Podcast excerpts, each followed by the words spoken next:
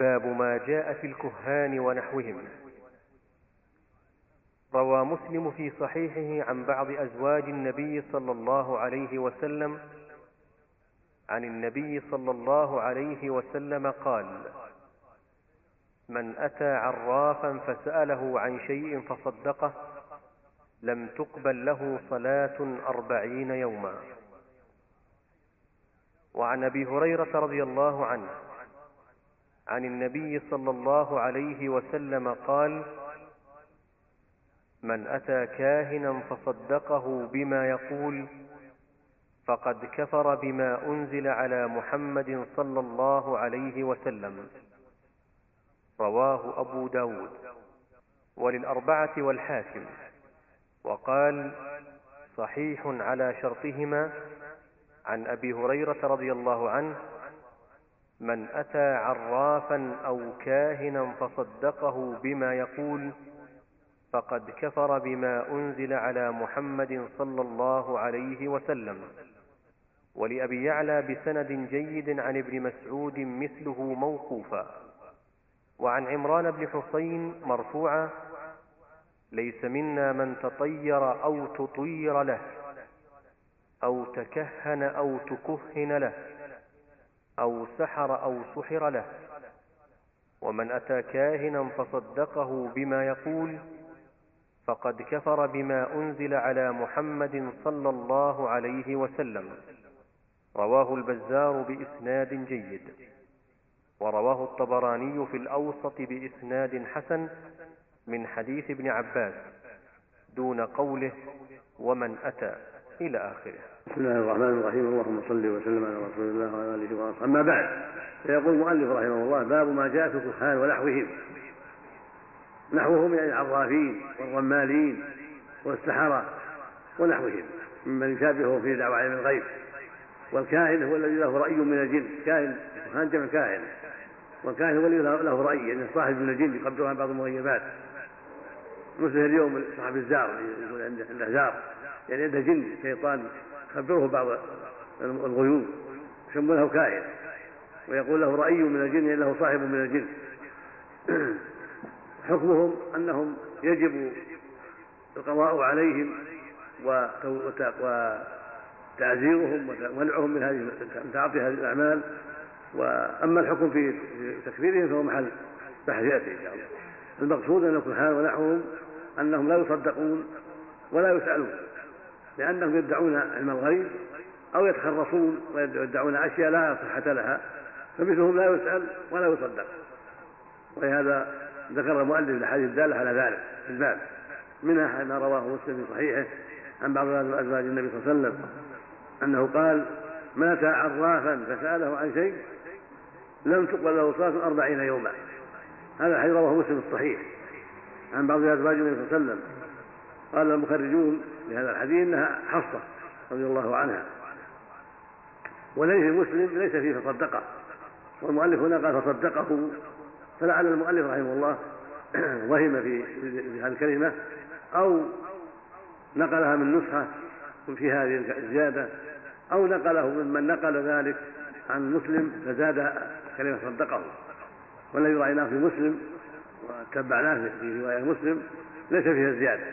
إنما الرواية في مسلم من أتى عرافا فسأله عن شيء لم تقبل له أربعين يوما هذا يدل على أن السؤال مجرد السؤال نفسه مجرد لا يجوز لأنه وسيلة للتصديق ولأن في سؤالهم إظهارا لشأنهم وتعظيما لقدرهم وإظهارا لأمرهم بين الناس وتقديرا لما يقومون به من جهود فيسألهم الناس ويرجع إليهم الناس. وفي هجرهم وفي ترك عند سؤالهم تناس لهم وإغفال لهم ورفع شأن لهم وعدم رفع شأن لهم فلا يجوز سؤالهم ولو لم يصدقوا لأن سؤالهم وسيلة إلى التصديق ولأنه وسيلة أيضا إلى أن يتصل بهم الناس ويعظم أمرهم الناس.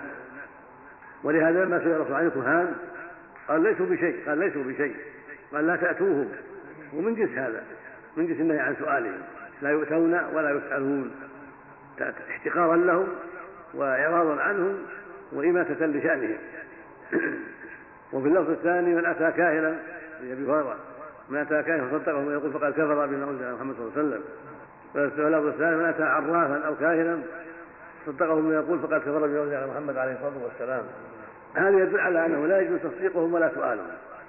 فلا يجوز سؤالهم لأنه وسيلة للتصديق ولأنه فيه ولأن في شيئا من رفع شأنهم وإظهارا لأمرهم ولا تصديقهم لأنهم يدعون الغيب أو يتخرصون فالمتخرص لا يصدق ومدعي الغيب كاذب ومن صدقه في علم الغيب كفر لأن علم الغيب إلى الله سبحانه وتعالى. والكاهن ادعى بلا علم الغيب كفر أيضا فإن كان يتخرص أو يظن وجب تعزيره وقضاؤه عليه حتى يمتنع من هذا الأمر القبيح المنكر. لكن ما يدعى علم الغيب من الكاهن أو الرمال أو غيرهم أو أو ادعاه من يأتيهم ويصدقهم كفر. بما انزل على محمد عليه الصلاة والسلام لأن الله قال قل لا يعلم من في السماء والأرض والأرض الغيب إلا الله. ومن صدقه فقد كذب هذه الآية وكذب قوله تعالى وعندما تقول لا يعلمها إلا هو ولله غيب السماوات والأرض لا إلى غير ذلك. فلا يجوز سؤالهم ولا تصديقهم. والكفر والكهنة والرمالون والمنجمون والعرافون وأشباههم يأتي بيانهم في كلام البغوي رحمه الله. هم أناس يدعون أن الغيب بأشياء تارة من طريق الشياطين واستراق السمع وتارة من طريق التنجيم وتارة من طريق التخرص والشعوذة يخطون خطوط ويفعلون أشياء يشعوذون بها ولا حقيقة لها. فسؤالهم وتصديقهم كله منكر وكله لا يجوز. والواجب على المؤمن أن يحذر هذه هؤلاء هذه الأصناف ويتباعد عن سؤالهم ومجيء المجيء إليهم أو تصديقهم في شيء. وأن يؤمن بأن الله سبحانه يعلم المغيبات ليس عند هؤلاء شيء من ذلك. وهكذا حديث ابن مسعود رواه أبو يعلى بن زيد عن موقوف هذا الموقوف مثل المرفوع لأن ابن مسعود لا يقول من جهة رأيه. بل معناه أنه ينقله عن النبي صلى الله عليه وسلم. هذه لا لا يقال فيها من جهة الرأي. فإذا قال مسعود من أتى كاهنا وصدقه من يقول وقد بما محمد صلى الله عليه وسلم معناه أنه ينقل هذا عن النبي صلى الله عليه وسلم لأن هذا لا يقال من جهة الرأي. وكذلك رواية عمران ليس منا من تكهن أو تكهن له أو تطير أو تطير له أو سحر أو سحر له ليس منا هذا وعيد يريد الحذر من هذه الأمور لأن يعني ليس منا عبارة تدل على التحديد والترهيب وأن ليس من أهل الإسلام وليس من المتبعين للنبي صلى الله عليه وسلم من يتعاطى هذه الأمور. وهذا وعيد شديد يفيد الحذر وظاهره تكفيره. المقصود أنه يوجب الحذر أما التكفير فيؤخذ من ادله أخرى تدل على التفصيل. لكن يفيد من هذا الحديث أن التطير لنفس الإنسان أو لغيره والتكهن لنفس الإنسان أو لغيره والسحر لنفسه أو لغيره كله منكر كله لا يجوز. ولهذا قال ليس منا من تطير أو تطير له يعني تطير بنفسه أو تطير له غيره برضاه أو تكهن بنفسه أو تكهن له غيره برضاه أو سحر هو بنفسه أو سحر له يعني تعوق السحر من أجله. ومن أتى كاهنا صدقه بما يقول فقد كفر بما أنزل محمد صلى الله عليه وسلم. هذا مثل ما تقدم. يفيد أنه لا يجب للإنسان أن يفعله بنفسه ولا يرضى يفعله غيره من أجله. ما يرضى أن يطير له يقول تطير لي وسفري مناسب ولا مناسب أو زواجي مناسب ولا مناسب لا. لا يجوز أن يطير له أحد. وهكذا التكهن له أو كان يتكهن بنفسه يعني يسأل الجن أو الشياطين أو يتعلم النجوم لعلم الغيب أو ما أشبه ذلك. وتقدم لك عن ابن عباس قل صلى الله من اقتبس شعبة من النجوم فقد اقتبس شعبة من زاد ما زاد. فالتطير والتكهن والسحر كله منكر وكله مما يجب الحذر منه. وأما التكفير ففي التفصيل كما تقدم. وفق الله الجميع وصلى الله على سيدنا محمد وعلى آله وصحبه اذا أخبر الإنسان نعم. أقول إذا أخبر الإنسان بأن ساحر قال قول وكان حقا فما يكون المسلم حينما يسمع هذا الكائن قد يصيب. مثل الكائن قد يصيب. قد يصيب الواقع. لكن ما يدعى لكن قد يوقع مثل ما الانسان المتخرف مثلا قد يقول وصل فلان أو جاء فلان ظنا منه ويصيب. أو يقال جرى كذا وجرى كذا لأنه بلغه ناس ضعفاء ثقات ثم صار خبره صحيحا. قد يصدق الكذب ما يدل على صحة قوله فقد كفر ما هل هو كفر ولا كفر أكبر. إذا صدق في علم الغيب كفر أكبر. ما هو حكمه امرأة موجودة عند خادمة عند أناس فأظهرت لهم في تفصيل. سحرا معمول كان ادعى علم الغيب. استفاد فإن قتل مثل الساحر أما إذا كان لا يدعي علم الغيب إنما يأتي بالظلم والاستيطان ثم تاب وترك السب لكن يستحق التعديل لئلا يعود إليها. امرأة خدامة وأخرجت السحر معمولة في البيت. نعم. أخرجت سحرا ملفوفا أو معمولا معقودا في البيت. فأخرجته له. بدون طلب مني مش درى أه، لا أعرف إذا أنت تعطى فاضل في عادته لا وتصوم وتصلي تأدي الصلوات المنافق يصوم يصلي بس يعني هو بغير طلب بعدين فك احرق الشعرات كذا وفك السحر الموجود ينبغي ابعاده واحد من العائلة. أو ينبغي ابعاده هذه هي اللي يمكن تعطى يجيب نفسه فعلته تباح لك ينبغي ابعاده شيخ من ادعى سماع الأموات نعم. مستند إلى هذه الاحاديث نعم. من ادعى سماع الأموات مستند إلى تكون دعوة حديثة طويلة. لا لا لا يدعي إلا ما جاء في النص بس الزيادة غلط. هو الزيادة غلط. طيب هذه أمور غيبية ما سبحانه فلا إلا ما علمته. نعم؟ ما يقال يسمعون بسمع قرع النعال أو بسمع أهل بدر كلام النبي هذا شيء خاص. نقتص على الوارد فقط ولا نزيد الله خلاص العدل. الله قال وما أنت بمسلم بالقول إنك لا تسمع الله قال البغوي العراف الذي يدعي معرفة الأمور بمقدمات يستدل بها على المسروق. ومكان الضالة ونحو ذلك.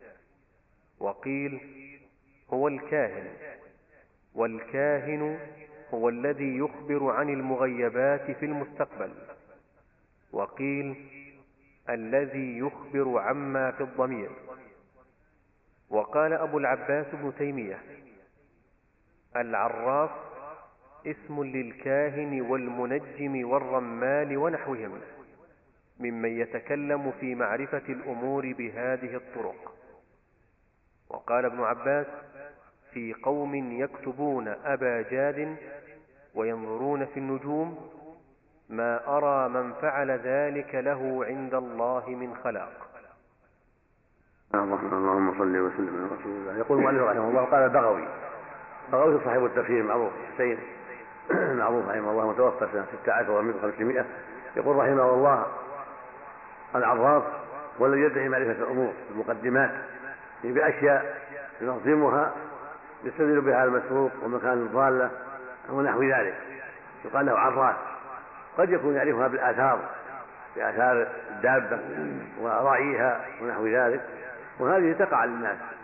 هذه الأمور قد تقع للناس لكن لا يكون من العرافين المذمومين وإنما يذم إذا ادعى بها علم الغيب. أما إذا كان يستدل على المسروق ومكان الضالة بطرق حسية معروفة فليس من هذا الباب.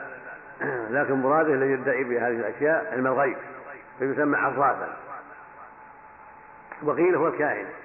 فالكاهن يسمى عراف والعراف يسمى كاهنا إذا كان يدعي علم الغيب. والكاهن هو الذي يخبر عن المغيبات المستقبل. وقيل الذي يخبر عما في الضمير فلان أراد كذا وأراد كذا مما يتلقاه عن رأيه من الجن وعن شياطينه.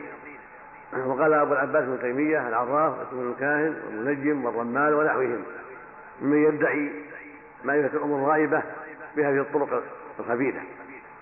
هذه المقالات من ابن البغوي ومن غير البغوي ومن الشيخ الإسلام ابن تيمية معناها أن العرافين والكهنة والمنجمين والرمالين هم الذين ذمهم الشارع وعابهم وحذر من إتيانهم وسؤالهم. حتى قال عليه الصلاة والسلام من أتى عرافا فسأله عن شيء لم تقبل صلاه أربعين يوما. وقال من أتى عرافا أو كاهنا صدقه من يقول فقد كفر انزل محمد عليه الصلاة والسلام. كما تقدم. قال ليس منا من سحر أو سحر له أو طير تصفيد له أو تكهن أو تكهن له. كل هذا تقدم. المراد بهؤلاء هم الذين يدعون أمور الغيب بهذه الطرقات التي يزعمونها تارة من طريق التنجيم والتقاء بعض النجوم وخروج هذا النجم وسقوط هذا النجم. إلى غير ذلك وتارة بأشياء أخرى. يتلقونها عن الشياطين. وتارة بالرمل يطيبون في الرمل ويجعلون هناك حصى وأشياء ينظمونها في في الأرض. وتارة بغير ذلك من الأمور. هؤلاء هم يسمون الكهنة ويسمون العرافين. فلا يجوز سؤالهم ولا تصديقهم لأنهم بهذه الطرق التي سلكوها يدعون علوم الغيب ويزعمون أنهم يدركون أشياء من علم الغيب. فيلبسون بها الناس ويأخذون أموالهم بها. هذا أصاب كذا وهذا أصاب كذا وهذا سوف يصيب كذا وهذا في العام الآتي يصيب كذا. كله رجم بالغيب وكذب. وقد يقع لهم شيء من الصدق لكنه نادر. لكن العامة وأشباه العامة يتعلقون بكلمة ويولون عن آلاف الكلمات الباطلة. كما في الحديث الصحيح المتقدم حديث أبي هريرة. فيقال فيقال قد صدق قد قال لك يوم كذا كذا وكذا إن صدق فيصدقونها واحدة ويجعلون بقية كلامه مثلها. يعني يجعلون الصادق في الجميع بسبب ميول الناس إلى الباطل وتعلقهم بما يوافق أهواءهم. فلهذا يصدقون العرافين والكهنة والمنجمين والرمالين وأشباههم. فالواجب على المسلم أن يحذر هؤلاء ولا يصدقهم لا فيما يتعلق بالأمراض ولا فيما يتعلق بالحوادث ولا فيما يتعلق بالسرقات ولا في غير ذلك. من عرف بهذه الطرق يجب تجنبه. وألا يؤتى وألا يصدق وألا يسأل. لأن الرسول منع من هذا عليه الصلاة والسلام. ولأن تصديقهم يوجب وقوع الناس في شر كثير ومفاسدة عظيمة واعتقادا لغيوب لا يعلمها إلا الله سبحانه وتعالى. والشيطان قد يتبع في استراقه السمع وقد يلقي إلى كاهن ونحوه. فيصدق في واحدة سمعها من السماء باستراقه السمع ولكن يزيد معها ما لا يحصى من الكذب الكثير الذي يضر الناس ويغشهم ويسبب وقوعهم في معاطب كثيرة. فلا يجوز المؤمن أن يصدق هؤلاء ولا يسألهم ولا أن يأتيهم. ولكن يعالج الأشياء التي أباحها الله أو من طريق الأطباء المعروفين بالعلاج المعروف الأشياء المحسوسة من مأكول مشروب مروق ودهان وغير ذلك. أما ما يتعلق بعلوم الغيب فهذا لا يجوز سؤالهم ولا تصديقهم ولا اتيانهم وهكذا ما قال ابن عباس رضي الله تعالى عنه فيما قوم يكتبون أباجاد يعني حروف أبجد. ألف باء تاء ثاء جيم يقال حروف أبجد. حروف هي يعني. يكتبون حروف ويضمون بعضها إلى بعض ويقول يقع كذا ويقع كذا ويقع كذا. يقول ما أرى له عند الله من خلق من حظ ولا نصيب. لأنه إذا فعلوا هذا وادعوا علم الغيب كفروا. فالذي يجمع حروف ويقول سوف يقع كذا سوف يقع كذا وإذا حل النجم الفلاني كذا. أو يجمع حصيات أو ودع أو غير ذلك يضم بعضها إلى بعض أو يجعلها حفر أو خطوط يجعل هذه على المحل الفلاني هذه المحل الفلاني هذه في الزاوية الفلانية ثم يقول هذا يدل على كذا ويدل على يقع كذا كل هذا من أعمالهم باطلة كل هذا من دعواهم عن الغيب بالطرق الباطلة فالواجب الحذر منهم وأن لا يؤتون وأن لا يسألوا نسأل الله السلامة والعافية. السلام عليكم. نعم. أذكر مرة كان في مجلس يتكلمون عن فضل المدينة. يوم واحد قال إن المدينة إذا مات الإنسان فيها على الكفر أو الشرك وفيه نياق سود تخرجه المدينة. ان فيه نياق سود نياق نعم تخرجه المدينة وإن الإنسان إذا مات في ديره الكفر في نياق بيض تأتي به إلى المدينة، ما أدري عن صحه هالكلام. لا هذا ما ما لها هذا باطل ما لها. الشيخ بالنسبة للتعلم السحر تعلم السحر ما يجوز تعلم السحر ولا تعليم. طيب هو لا تعلمه ولا لا يتعلم من الشياطين. لقد صاحب الزواج عن بعضهم انه يقول انه يجوز تعلمه حيث يفرق بين السحر والمعجزه. لا هذا باطل، عند أهل العلم ما يتعلم ولا تعلم. بل لأنه ما يتعلم الا وصف الله. باب ما جاء في النشرة عن جابر رضي الله عنه أن رسول الله صلى الله عليه وسلم سئل عن النشرة فقال هي من عمل الشيطان رواه أحمد بسند جيد وأبو داود. وقال سئل أحمد عنها فقال ابن مسعود يكره هذا كله. وفي البخاري عن قتادة قلت لابن المسيب رجل به طب أو يؤخذ عن امرأته أيحل عنه أو ينشر؟ قال لا بأس به. إنما يريدون به الإصلاح فأما ما ينفع فلم ينه عنه. انتهى. وروي عن الحسن أنه قال لا يحل السحر إلا ساحر. قال ابن القيم النشرة حل السحر عن المسحور وهي نوعان حل بسحر مثله وهو الذي من عمل الشيطان وعليه يحمل قول الحسن فيتقرب الناشر والمنتشر إلى الشيطان بما يحب فيبطل عمله عن المسحور. والثاني النشرة بالرقية والتعوذات والأدوية والدعوات المباحة فهذا جائز. هذا الباب في النشرة؟ باب ما جاء في النشرة؟ النشرة حل السيان المسحور يقال نشر عنه إذا حل عنه ما أصابه. عن جابر رضي الله تعالى عن النبي صلى الله عليه وسلم أنه سئل عن النشرة فقال هي من عمل الشيطان. رواه الإمام أحمد وأبو داود بسند جيد. هذا الحديث يدل على أنها منهي عنها. وهي النشرة التي تعرف عند الجاهلية لأن فيها أل للعهد الذهني. يعني نشرة المعهودة المعروفة عند أهل الجاهلية من الكفرة. في حل السحر المسحور بسحر مثله. فقال النبي فيها إنها من عمل الشيطان لأن الساحر يتقرب إلى الشياطين بما يحبون من عباداتهم والنذر لهم لهم ودعائهم والاستغاثة بهم والسجود لهم ونحو ذلك. فيسعفون ببعض مطالبه التي يطلب منهم من بيان بعض الأشياء التي تخفى عليه كعمل الساحر وما حصل من الساحر لهذا المسحور فلهذا قال فيها إنها من عمل الشيطان. لأن الشيطان يدعو إلى كل شر ويدعو إلى كل فساد ويدعو إلى الشرك. فالنشرة التي يتقرب بها الإنسان إلى الشياطين هي من عمل الشيطان. ولما سئل أحمد عن هذا قال ابن مسعود يكره هذا كله. لأن عبد الله بن مسعود الصحابي الجليل يكره هذا كله يعني يكره النشرة التي هي من عمل الشيطان. وهي التي يتقرب فيها للسحرة. ويطلب من السحرة أن يحلوا ما فعلوا. هذه التي من عمل الشيطان وينهى عنها لما فيها من طاعة الشياطين وخدمتهم والتقرب إليهم بأنواع العبادة. وسئل ابن المسيب عن هذا فقال لا بأس به مما يراد به الإصلاح. لما سئل عن الرجل يؤخذ عن امرأته يحبس عن امرأته أو يصاب بالسحر فقال لا بأس به. ما إنما, إنما ينهى عما عما لا ينفع. عما ما ينفع فلا ينهى عنه. ولهذا قال إنما يرد به الإصلاح. فأما ما ينفع فلا ينهى عنه. فكلام ابن المسيب محمول على الحل الذي لا بأس به. وهو الحل بالرقية والتعوذات والأشياء المباحة. هذا من باب الإصلاح والإصلاح مأمور به والمنكر منهي عنه. فما ينفع لا ينهى عنه وما لا ينفع ينهى عنه. إذا كان ما الذي ينفع لا بأس به ولا محذور فيه فإنه يباح التنشير به والحل به من قراءات وتعوذات وأدوية مباحة.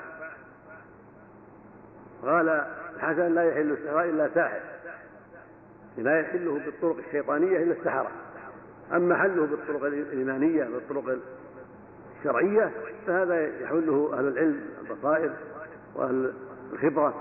والتجارب فيحلونه بأنواع من الأدوية والتعوذات والقراءة فيزول عن المسحور كما حل الله الشرع عن النبي صلى الله عليه وسلم بالمعوذتين. قال ابن القيم قال العلامة ابن القيم رحمه الله وأبو عبد الله محمد بن أبي بكر.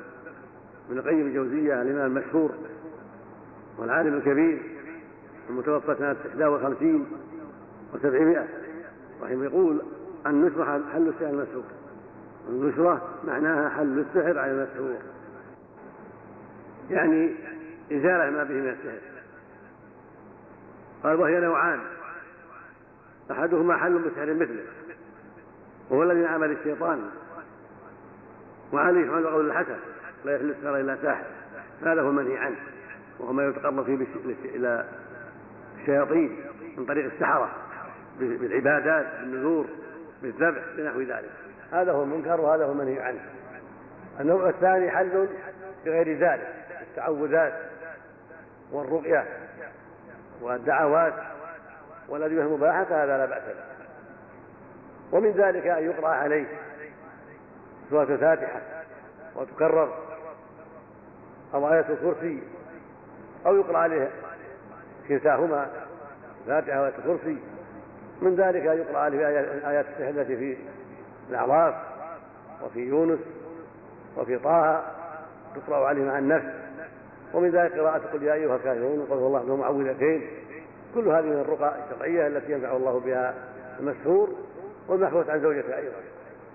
كل هذه رقى شرعية استعملها العلماء ونفع الله بها المسحورين والمحبوسين عن زوجاتهم. ومن ذلك ما ذكره بعض الأئمة عن كتب المتقدمين. أنه يؤخذ سبع ورقات سدر أخضر فتدق ثم توجعل في الماء ثم تقرأ فيها آيات السحر المعروفة وقل يا أيها الكافرون قل والله أحد ومعوذتان ويقرأ فيها آية الكرسي ثم يخرج منها المسحور أو المحبوس ما تيسر ثلاث حسوات ثم يكثر التربص بالباقي يتصل بالباقي فيزول بإذن الله ما أصابه من السحر أو الحبس عن زوجته. وهذا كله مجرب فنفع الله به. وهو نشرة بغير ما يفعله الكفرة نشرة شرعية بالقرآن والتعوذات والأدوية المباحة وهكذا من وجد دواء جربه ونفع هو من هذا الباب. إذا كان ليس بمحذور شرعا ليس من نجاسة وليس فيه واسطة استعانة الجن وليس فيه أشياء مما حرم الله.